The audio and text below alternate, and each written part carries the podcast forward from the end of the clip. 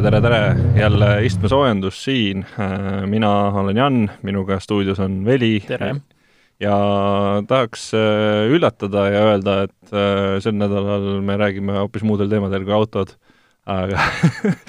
kahjuks ei saa seda teha ikkagi. aga me räägime autodest, ainult autodest, aga noh, tegelikult on ju, ikka viskab midagi muud ka sisse, et äh, alustamegi täna kindlustuse teemaga üldse ja kuna siin on ju koroona igapidi ronib meil uksest aknast sisse äh,, kas öelda, meil on mingi elukindlustuse sponsor tekkinud äh,? ei ole, aga okay., aga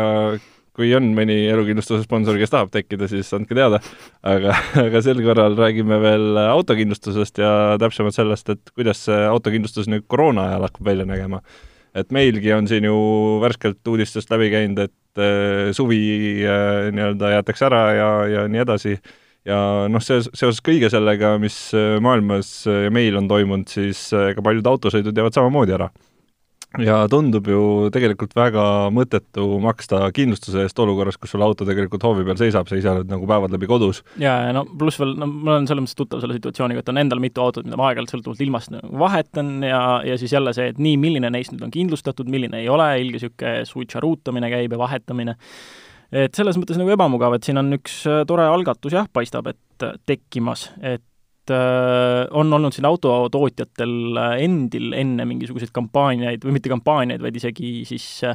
teenusepakette, kus kellel on liitumispõhine, kellel on kasutuspõhine, aga põhimõtteliselt see, et, et sa maksad mingit kuumaksu ja siis võid minna esindusse, võtta millise iganes auto sa tahad, sõita sellega, viia tagasi, kõik hooldused, asjad, ei ole midagi, ei ole sinu mure, sa maksad seda oma, oma kindlat kuumaksu, aga Äh, nii ideaalne, kui see ka klientide jaoks ei kõlanud, siis need asjad on pidanud pillid kotti panema suht ruttu, et Volvo pakkus siin seda ja vist, Volvo ongi vist ainuke, kes on seda järjepidevalt pakkunud, et BMW, Audi on seda pakkunud, äh, siis jälle teenuse maha võtnud, et ta tegelikult ei tasu ennast, äh, see, see jama ei tasu ennast tihtipeale nagu autotootjate endi jaoks ära. Aga, aga teist, teisteenuse liisingupakkujad on ju ka olemas, aga jah, see, millest me täna räägime, on nagu natuke teine asi, on ju. jah et äh, siis äh, britid on välja mõelnud, et võiks teha uue kindlustusteenuse ja see põhimõtteliselt käibki niimoodi, et sa maksad lihtsalt selle pealt, mis sa sõidad. et äh, üldjoontes käib niimoodi, et sul on ühekordne alustustasu äh,, siis on mingisugune madalam tasu, mida sa maksad selle pealt, kui auto lihtsalt pargib, ja, ja siis äh, miinimumhinnana on äh, välja käidud neli penni siis miili pealt ja, ja kogu see point ongi siis äh, suures pildis see, et nii palju, kui sa sõidad, nii palju sa ka maksad. et äh, et jälle kord üks selline huvitav lähenemine asjale. et noh, kuna arvestades, et meil see tulevik on selline ikkagi väga koroonamaiguline, et kui me uudistesse vaatame maailmas kui ka mujal, siis ilmselt lähema aasta jooksul võiks seda teenust äh, küll kasutada ja noh, nagu sa ütlesid, siis ega ega sellel on ju tegelikult väljund olemas ka väljaspool seda kriisi, et noh, praegu on kindlasti neid kasutajaid rohkem, aga need inimesed, kellel autod nagu muidu seisavad ja nad nendega ei sõida, miks mitte, on ju. Mhm. Ja siin just see on, teenus on loodud äh, mõeldes siis neile, kes on nooremad, kes sõidavad autoga vähem kui kusagil kümme tuhat kilomeetrit aastas, et neile see kindlasti tasub ennast äh, lõppkokkuvõttes paremini ära, kui noh, nagu näiteks mul endal on ette tulnud, et võtan kuuks ajaks kindlustuse, aga siis tuli näiteks, äh, tuli äh, Subaru ilm hoopis ja autovahetus ja siis jälle see auto, millele just kindlustus sai tehtud pikalt, see jälle seisab. et äh, selles mõttes täiesti mõistlik lahendus, et näis, millega nüüd veel välja tullakse. et see, sellel isegi võiks olla nagu minekut, näis, kas Eestisse ka keegi, keegi sellest varsti kinni haarab. no aga tegelikult meil on ju täitsa kodumaine idufirma olemas, mis millegi sarnasega tegeleb, see on siis äh, äh, veidra nimega Cache või äh, kuidas seda, kes hääldab, on ju. aga nende teenus on natuke teistsugune, nad küll pakuvad seda äpi äh, taksode juhtidele, et äh, maksad samamoodi, noh, et kui sa tead, et sa sõidad nädalas, ma ei tea, kakskümmend tundi, siis äh, sa selle eest maksadki ja, ja need, kes sõidavad rohkem, maksavad rohkem ja need, kes sõidavad vähem, maksavad vähem. et põhimõtteliselt ju sarnane asi mm, -hmm. lihtsalt natuke teisele grupile et äh, kes teab, äkki on äh, mingisuguse teenuse mõte ka neil selles vallas liikumas ja võib-olla saame ka Eesti turul kunagi seda näha, kuigi noh, meie turg on muidugi nii väike, et aga noh, testimiseks hea küll. Aga nüüd räägime hoopis teisel teemal ja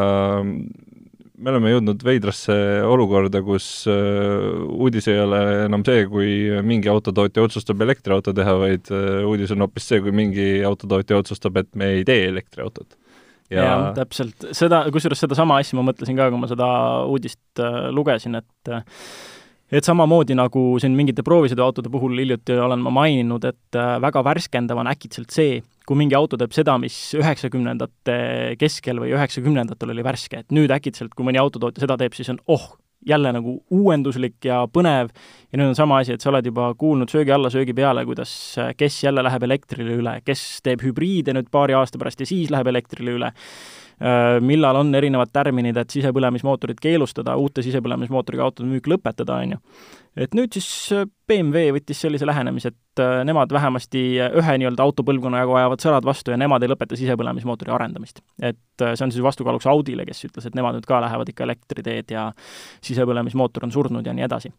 et noh, selle uudise peale igatahes ma, ma pole kunagi olnud eriline BMW mees ausalt öeldes. ma veel mõned aastad tagasi ei mõistnud seda eestlaste bemmilembust, siis mõni mudel juba natukene selgitas seda mulle, aga noh, tegu oli M-mudelitega, on ju, et see ikkagi ei selgitanud seda niisugust äh, tüüpilist äh, universaal-diisel-bemmi äh, lembust, mis paistab meil siin olevat. aga nüüd selle uudise peale hakkas mulle BMW küll kohe kõvasti rohkem meeldima. et fakt on see, et neil on väga häid rida kuus mootoreid, on vaieldav, et nende B viiskümmend kaheksa mootor on vast isegi kõige parem hetkel saadaolev uus rida kuus üldse. et seda on ju, leiab siin Z4-st äh,, Suprast äh,, erinevatest äh,, erinevatest mudelitest ja sellega on, mis on avastatud, on see, et seda on siin võrreldud just Supra tõttu äh,, siis BMW ja Toyota koostöö tõttu äh, on siin võrreldud seda hästi palju selle kuulsa kaks JZ mootoriga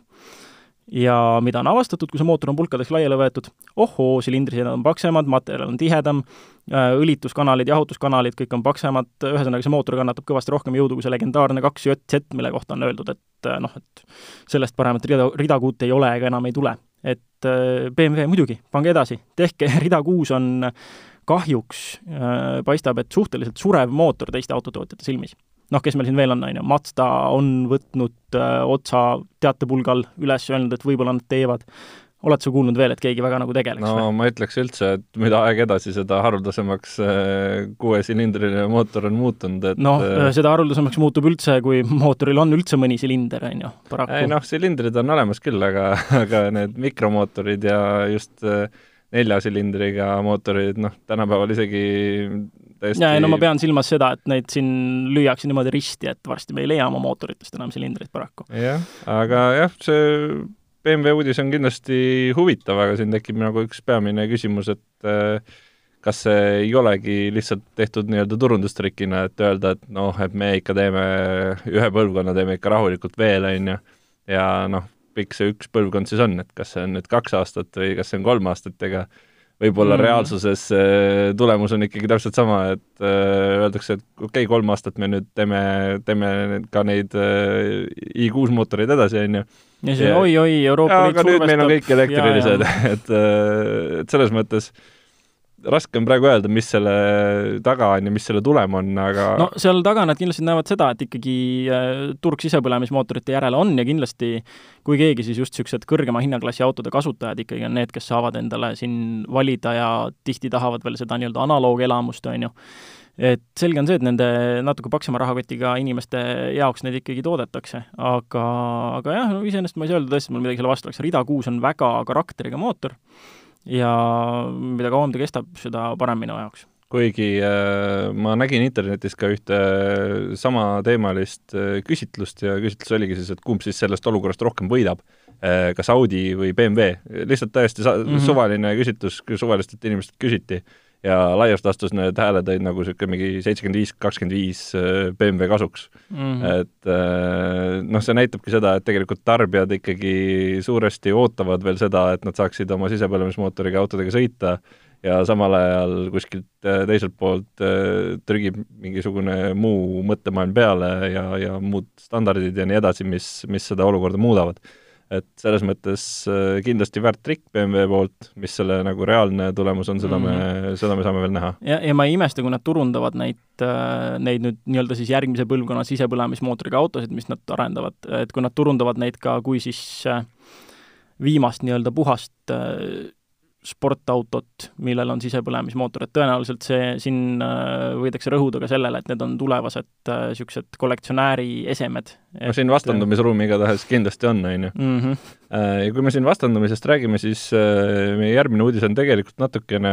samast vaatevinklist, et tore on vahelduseks rääkida ka sisepõlemismootorite sellisest,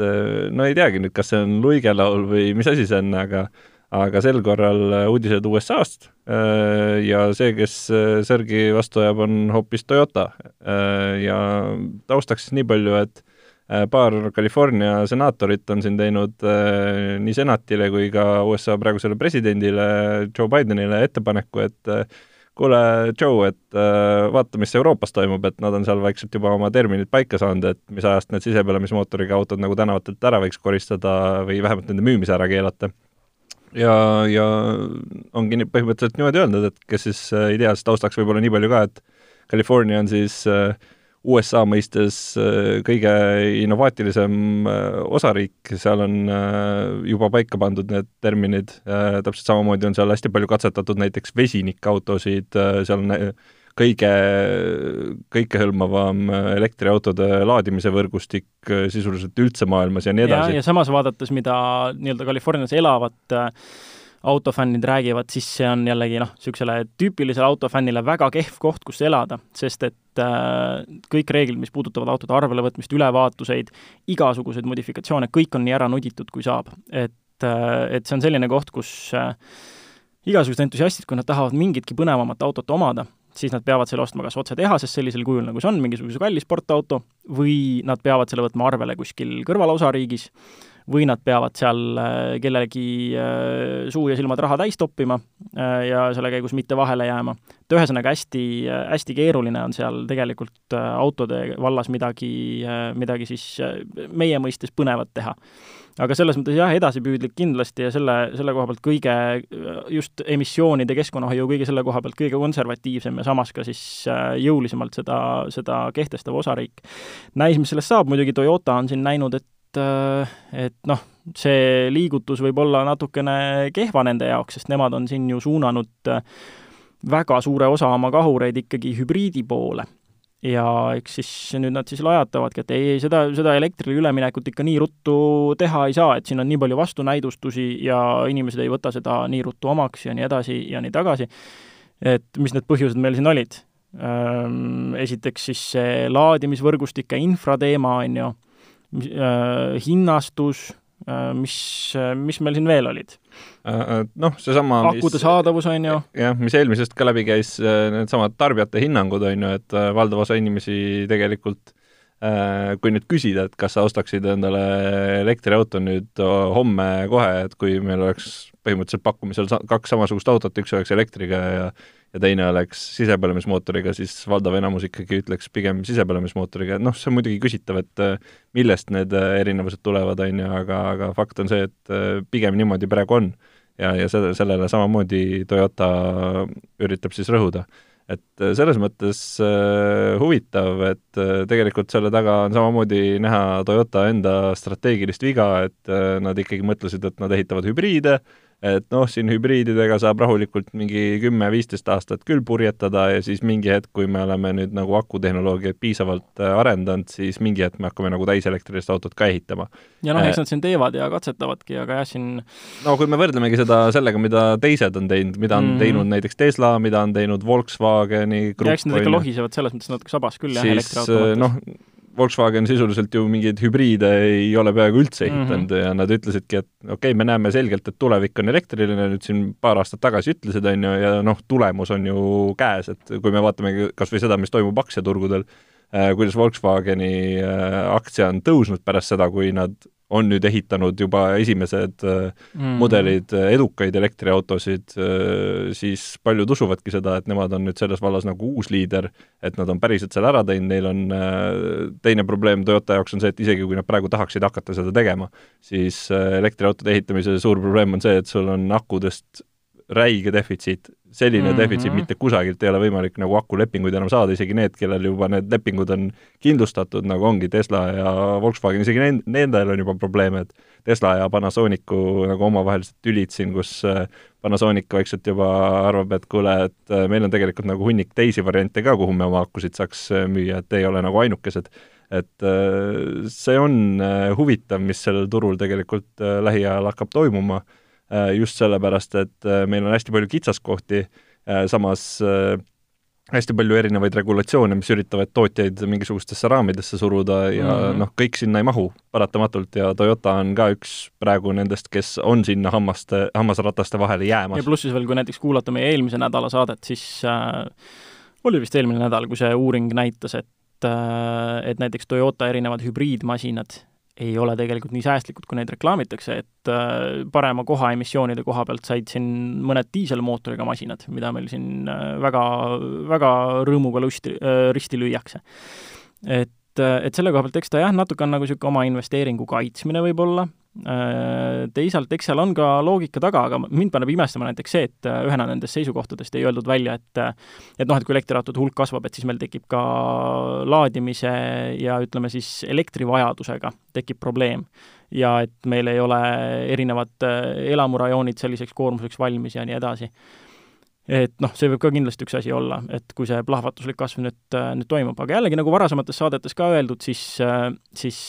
ükskõik, kas meeldib või ei meeldi see jõuga nii-öelda elektri peale surumine, see põhjustab seda, et infra tuuakse samamoodi jõuga järele ja selles valdkonnas käibki nagu selles mõttes niisugune jõuline turbotamine. et turbo peale, teeme kõik infra, arendame akutehnoloogiaid ja kannatame selle alguse esimesed paar aastat nii-öelda võimalikku kaost ära, on ju, ja, ja siis, ja siis meil on see infra äkitselt olemas ja see tehnoloogia ka kiiremini olemas, kui siin see sisepõlemismootori areng on toimunud ja noh, ikka ju siin osad ütlevad, sisepõlemismootor on valmis nii-öelda arengult, osad ütlevad ei, ei ole veel, et seal on ikka efektiivsust kõvasti võimalik kasvatada ja nii edasi, et et eks nad üritavad seda teha, et, et jõuda sinna faasi, et elektriauto valmidus saabuks palju kiiremini, kui siin on sisepõlemismootoriga olnud läbi ajaloo. jah, siin ei ole tegelikult äh, võimalik veel öelda ka, et mis selle kogu asja nüüd lõpptulem on, et äh, eks igaüks ilmselt teab, et USA on ju tööstusliku lobitöö maa ja ja võib-olla vandenõualtimad inimesed äh, arvava, võikski siinkohal arvata, et kogu selle surumise taga on hoopis Tesla karvased kõrvad, on ju, mis ka ju tegelikult äh, Californias äh, suuresti tegutseb. et noh, eks seal ilmselt nüüd need PR-inimesed ja kõiksugu lobistid hakkavad tööle ja, ja saame näha, et kas see siis kuidagi mingisuguseid võrseid hakkab see seeme ajama või mitte. jah, ja veel sellest akude defitsiidist rääkides, siis noh, ma ei olegi kusjuures saates väga palju rääkinud sellest, aga praegu tegelikult see maailmas toimuv äh, ränikiipide puudus on ikkagi autotööstuse suhteliselt äh, põlvili surunud. et kui juba ränikiipidega selline lugu on ja see, see surub tööstuse põlvili, siis äh, mis saab siis, kui elektriautodel enam akusid ei jagu? et ränikiipe kasutavad ju kõiksugused elektroonilised seadmed, juhtplokid, kõik multimeedia, autojuhtaju, igasugused asjad ja paraku on see selline koht, kus autotööstus on ikkagi vaeslapse rollis. et kui sul toodetakse aastas, mis oli laias laastus kümme miljonit uut autot versus äh, umbes miljard erinevat äh, kas või nutitelefoni, siis noh, ilmselgelt ei ole autotööstus just selles mõttes nagu suurem prioriteet ja täpselt see, nagu Panasonic ütleb, et noh, meil on veel kedagi, kelle juurde minna nende akudega, on ju, et ka neid tootjaid jagub, kes pretendeeriksid sinna akudele et selles mõttes saab jah, natuke põnev olema, et kuidas tegelikult lahendatakse, maavarad ikkagi, millest akusid tehakse, on ju piiratud, kes esimesena löögile saab, see saab ja seda vist Volkswagen ka mõtles, kui ta ütles, et noh, et äh, nemad ja Tesla siin äh, nopivad juba vilju ja teised sörgivad lihtsalt sabas. et, et selle koha pealt jah, näis, kas, mis see Toyota oma hübriidindusega nüüd teeb ja kas see esimene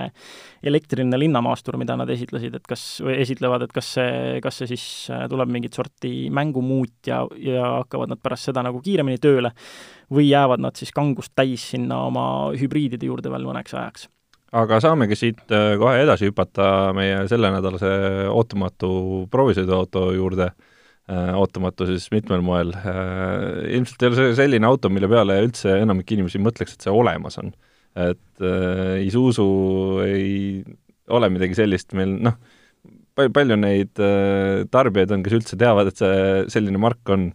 ütleme, ta ei ole meil Eestis nagu selles mõttes väga, väga levinud ja no ega, ega Isusul vist ongi nagu ta-, tarbeautode ehk siis nagu lõpptarbijale mõeldud autode seisukohast mingisugune paar mudelit, mida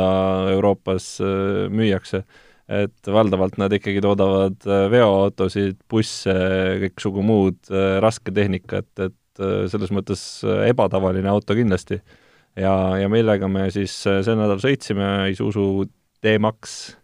Pikap, selline pikap, jah. Äh, ma ütleks alustuseks mõned numbrid, nagu ikka. Äh, ühe koma üheksa liitrine diiselajam, sada kakskümmend kilovatti ja hind alates kakskümmend viis tuhat kuni nelikümmend tuhat laias laastus. see on ilmselt üks kõige olulisemaid asju, mida selle auto puhul silmas pidada, et palju on neid uusi pikappe, mille hind vahet ei ole, kas kõige odavamas konfiguratsioonis või kuskil mujal Äh, oleks kahekümne viie tuhande juures, ma arvan, et äh, ühtegi teist sellist mudelit Mul ei ole isegi olemas. et äh, noh, rääkimata sellest, et sellega saab vedada kuni kolm, kolm koma viis tonni haagist, on ju, noh, see ajamiga muidugi on nagu küsimus, et ühe koma üheksa liitrine diisel, sada kakskümmend kilovatti, kui sul kõik see jah, seda, ta nagu natukene jättis, ütleme, vajaka ikkagi ka minu jaoks, et üks esimesi asju, mis ma selle auto juures, auto juures jah, märkasin, oli see, et lisaks sellele, et ta väga nagu niisugust äh, ärevamat minekut ei pakkunud, siis äh, jah, ärevama all ma mõtlen siis näiteks, et kui ma tuletan meelde kas või meie Hiluxi proovisõitu, on ju. et sellega võrreldavat minekut ta nagu ei paku ja hästi häälekas on see mootor ka mm. -hmm. et äh, ka madalatel pööretel ja madalatel koormustel ta ikkagi on niisugune lagisev ja tunda on, et siin sõitjate ruumi ja mootoriruumi vaheseina osas, et kusagil on niisugune väike heliisolatsiooni puudujääk, et hästi palju tuleb seda müra sisse ja natukene mulle paraku jäi, äh, jäi pärast seda sõitu tunne ka sellisest ähm, mitterafineerituse tundest või ta on natuke niisugune robustne ka mõne koha pealt nagu ütleme, lihvimata natuke halvemas mõttes, et muidu robustsus on selliste pikapite juures minu jaoks hea, et ikkagi sul on redelraam, ta on jäik, ta, ta ongi niisugune vä-, väristab sind äh, läbi, ta ei, ta ei ole, ütleme, niisugune mugavussõiduk aga näiteks sellest robustsusest, mis mulle silma, või ütleme, niisugused äh, väiksed natuke lihvimata tahud, et äh, et näiteks, mis ta mul tegi ja ma ei saanudki aru, mis seaduspära alusel see oli, oli näiteks see, et olete ka sõitnud, mootor on juba soe, kõik, äh, kõik on soe. jätad ta seisma, paned parkkäigu sisse, võtad jala gaasipedaalilt ära ja siis ta viskab pöörded kusagile kahe tuhande peale ja jääb sinna tiksuma. ma ei tea, kas sul juhtus seda või? mul tuli seda, mul tuli seda kaks korda ette, et sa paned ta parki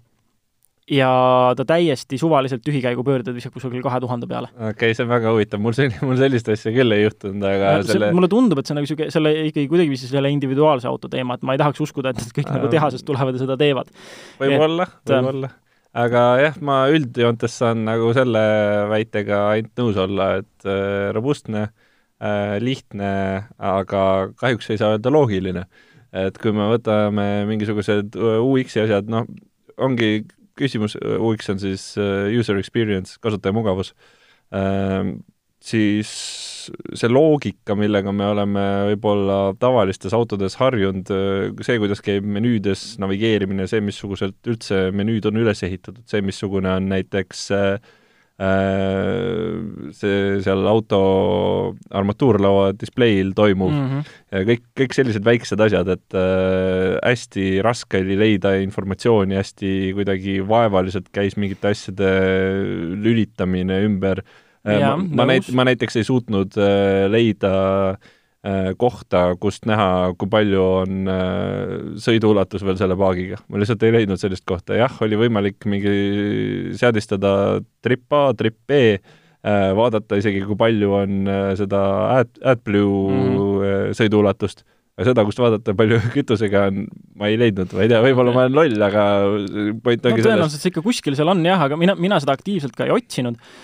aga jah, jällegi ma pean olema sinu kommentaariga nõus sellest, äh, sellest äh, multimeediast, ekraanist, kogu selle asja kasutamisest, et mina olen enda jaoks nii-öelda maha joonistanud äh, selle aja, pika aja jooksul nüüd ühe niisuguse põhimõtte multimeedia kohta, et minu jaoks multimeediasüsteem autol on intuitiivne siis, kui ma istun autosse sisse, panen auto käima, võtan telefoni välja ja esmakordsel kasutamisel suudan minuti ajaga oma telefoni ära paaritada selle süsteemiga ja muusika mängima panna. võib-olla isegi sinna minuti sisse mahutada equalizeri ülesleidmise näiteks mm ja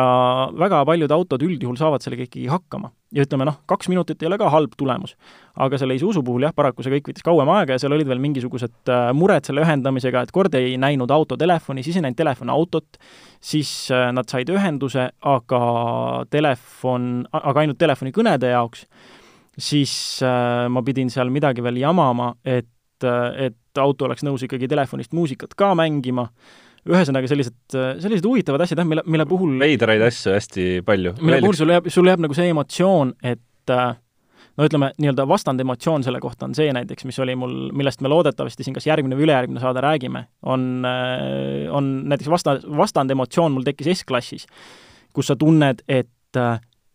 ilgelt palju on olnud eelarves ka niisugust mugavustestimise, niisugust äh, mugavustestimise real ikkagi raha, et ongi reaalselt kasutajad saanud istuda, kasutada, proovida, teha ja igasugused asjad, mis puudutavad kasutusmugavust, on läbi proovitud. ja siis selle auto puhul jääb vastupidi see emotsioon, et äh, see oli kõige-kõige viimane prioriteet ja hea, kui sellele üldse mingit sorti raha ja aeg jäi. et äh, et see, sellised kasutus, kasutusmugavuse asjad just jah, sellise ühenduvuse koha pealt kindlasti jätavad soovida ja ei ole veel nii-öelda noh, nad ei, ole, ütleme, selle, selle aasta tase päris minu jaoks. aga see ei ole, see olnud ainult ühenduvuse koha pealt, minu äh, näiteks üks silmapaistev kogemus oli veel äh, kütuse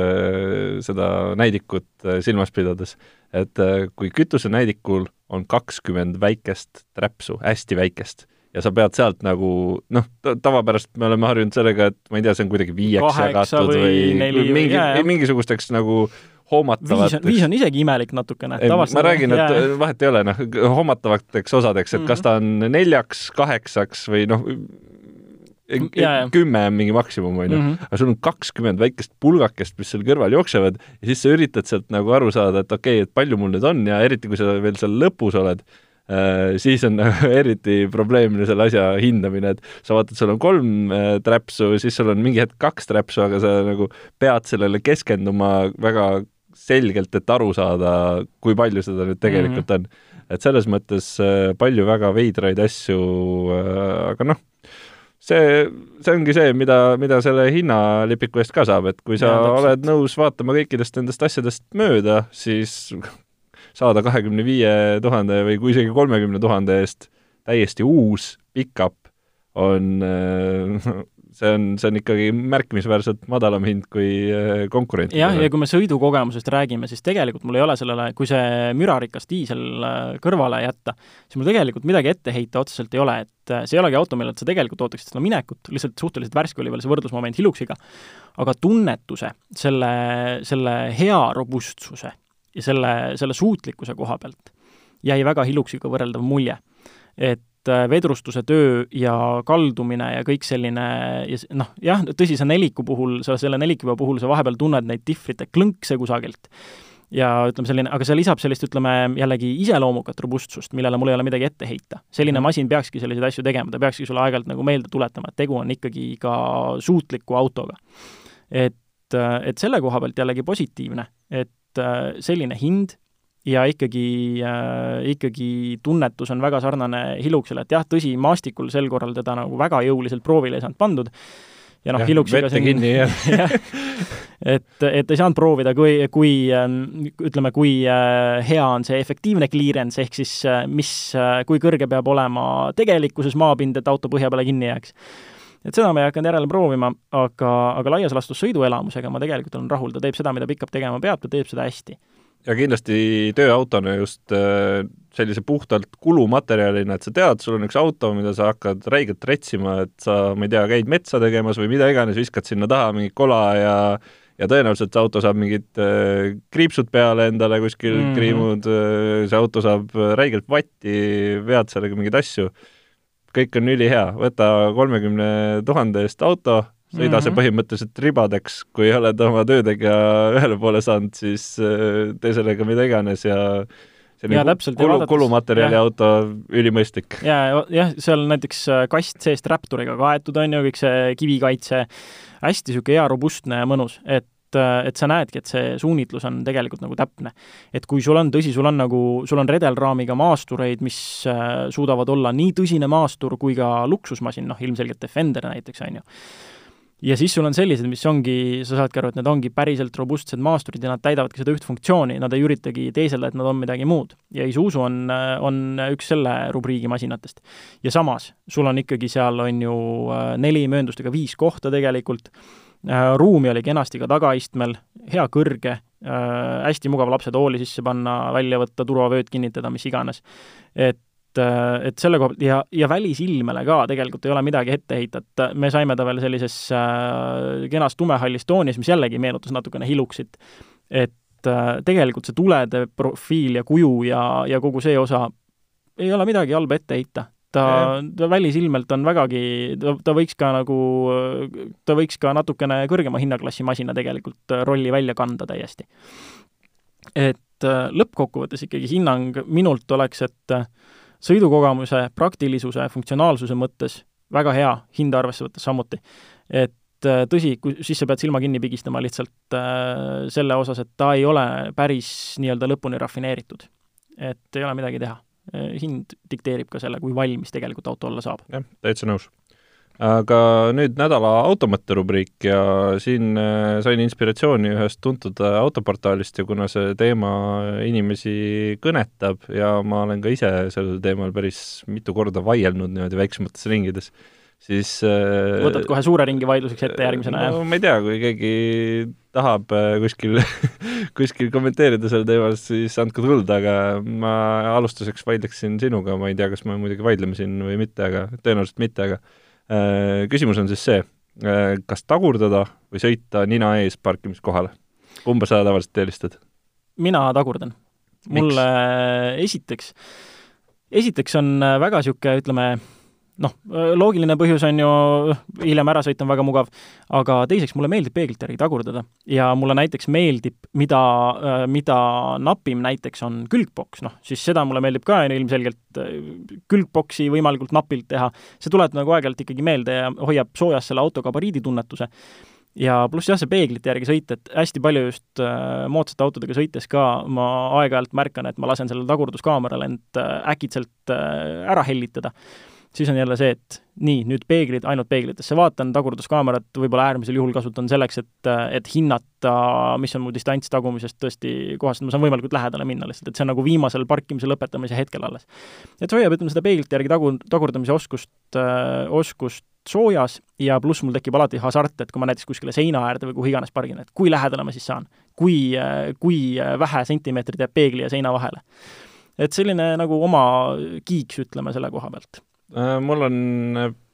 suht sama kiiks, aga peamine kiiks vist on seotud ikkagi sellega, et äh, ära sõita on mugavam, et kuna mm -hmm. statistika näitab ju meile seda, et väga suur osa õnnetustest toimub parklates ja ma julgen siin täiesti niimoodi ilma mingisuguse statistikale toetumata väita, et suur osa õnnetustest parklates juhtub just sellepärast, et keegi tagurdab suvalisel hetkel kuskilt välja Äh, siis ma olengi oma jaoks välja mõelnud selle, et ma ainult tagurdan äh, parkimiskohtadele mm. -hmm. Aga... ma ei, ma ei mäleta, millal ma viimati nina ees läksin, sest et äh, ausalt öeldes ka nina ees minek on ebamugavam Äh, sest et sa pead ju, vaata, sa pead laiema kaare võtma, sa pead korra, noh, sa võtad rohkem teed enda alla, tagurdades on see, et sa lähed sinna lähedale, on ju, sa keerad äh, nina õigel hetkel natuke välja ja sul on tegelikult ühe, ühe punkti manööver nii-öelda, et sa ühe ja, korra keerad ikkagi rooli. raadius on väiksem. jah, ja samas sa näed seda, et kui näiteks sul on äh, tihedalt autosid täis parkla, kus sa üritad nina ees parkida, siis ongi see, et kui sul keegi vastu ka tuleb, siis üldjuhul sa pead seda tegema, et sa keerad oma nina sinna sisse, lähed, ja siis keerad vastu, lased natuke tagasi ja siis lähed uuesti. et saada nagu täpselt sinna kahe auto vahele võrdselt. et äh, ma, ma ausalt öeldes ei näe, kus, kui sul just poodi või kuhu iganes väga kiire ei ole sissejooksmisega mingil põhjusel, siis ähm, ja sul ei ole seal ruumi, et autot sinna kiiresti ära panna, siis ma ei näe mitte ühtegi põhjust, miks keegi peaks nina ees tegelikult äh, parkima. Äh, peamine argument, mida ma võib-olla laste väljalaskmine ma olen, ma olen kahte argumenti kuulnud, ei, tegelikult kolme. Üks on see, et äh, esiteks on kiirem, mugavam, sa ei pea hakkama seal kuidagi, no need on need inimesed, kes tegelikult -hmm. tagurdada ei oska äh,. Nad lihtsalt ei taha öelda, et nad ei oska tagurdada siis aa oh, jah, et mul on nagu mugavam on lihtsalt sisse keerata, on ju. Äh, nii, see on esimene argument. teine argument on see, et kui sa lähed poodi, siis võib-olla sul on mugavam, kui su äh, pagasiruum on tee poole lahti, mitte see ei ole nagu teise autoga kohakuti, äh, et siis sa ei pea hakkama seal kahe auto vahel nagu jebima, on ju. Ja kolmas argument on see, et kui sa oled näiteks parklas, kus on noh, ütleme, sa oled mitte küll praegusel juhul, aga sa oled Ülemiste parklas laupäeval kell kaksteist kolmkümmend ja seal on mustmiljon autot ja kõik seisavad seal järjekorras ja sa hakkad seal nagu tagurdama, on ju, siis tundub Saad nagu, et kõik teised ootavad ja, su järel ja on nagu niisugune ebamugav tunne, et sa oled kõigil ees, on ju. pluss siis veel see, et tegelikult kui sa hakkad tagurdama, siis äh, mul ei ole seda õnneks veel juhtunud, ma vist nii kiiresti lihtsalt lähen sinna kohale kohe ära, aga et keegi sõidab sinna vahele? jah, keegi selja tagant võtab ja üritab selle koha kähku ära rabada, et ma olen, inimesed on öelnud, et seda on neil juhtunud küll. No vot, ühesõnaga on tegelikult argumente ka teisel pool, aga aga no, ma ei pea neid, ütleme, seda tagurdamise argumenti ümberlükkavaks kuidagi? Äh, jah, ma ka ei pea. Et selles mõttes me oleme natukene veidras olukorras, et ma mõtlesin, et äkki äkki saab nagu kiiregi kütta, lamell versus naast jälle või midagi äkki, äkki saab vaielda, aga tuleb välja, et ei saa. Äh, ma ei tea, siis noh, selline oli meie saade, tänan kuulamast. teeme, teeme üleskutse lihtsalt lõpetuseks, et kui keegi äh, arvab mingisugusel põhjusel täiesti äh, naeruvääristamata, et nina ees sisse sõitmine on mõistlikum, parem lahendus ja on seotud mingisuguse argumendiga, mille peale meie võib-olla ei suutnud ja muidugi, valgustage meid, ma siis, tegelikult mind huvitab, tõesti. mind ka huvitab, nii et äh, valgustage meid, kirjutage meile kuhu iganes ja, ja me hea meelega ka vastame ja võib-olla isegi teeme mingi kokkuvõtte sellest. aga vot, selline meie seekordne saade oli, aitäh teile kuulamast! aitäh! ja juba järgmisel nädalal uuesti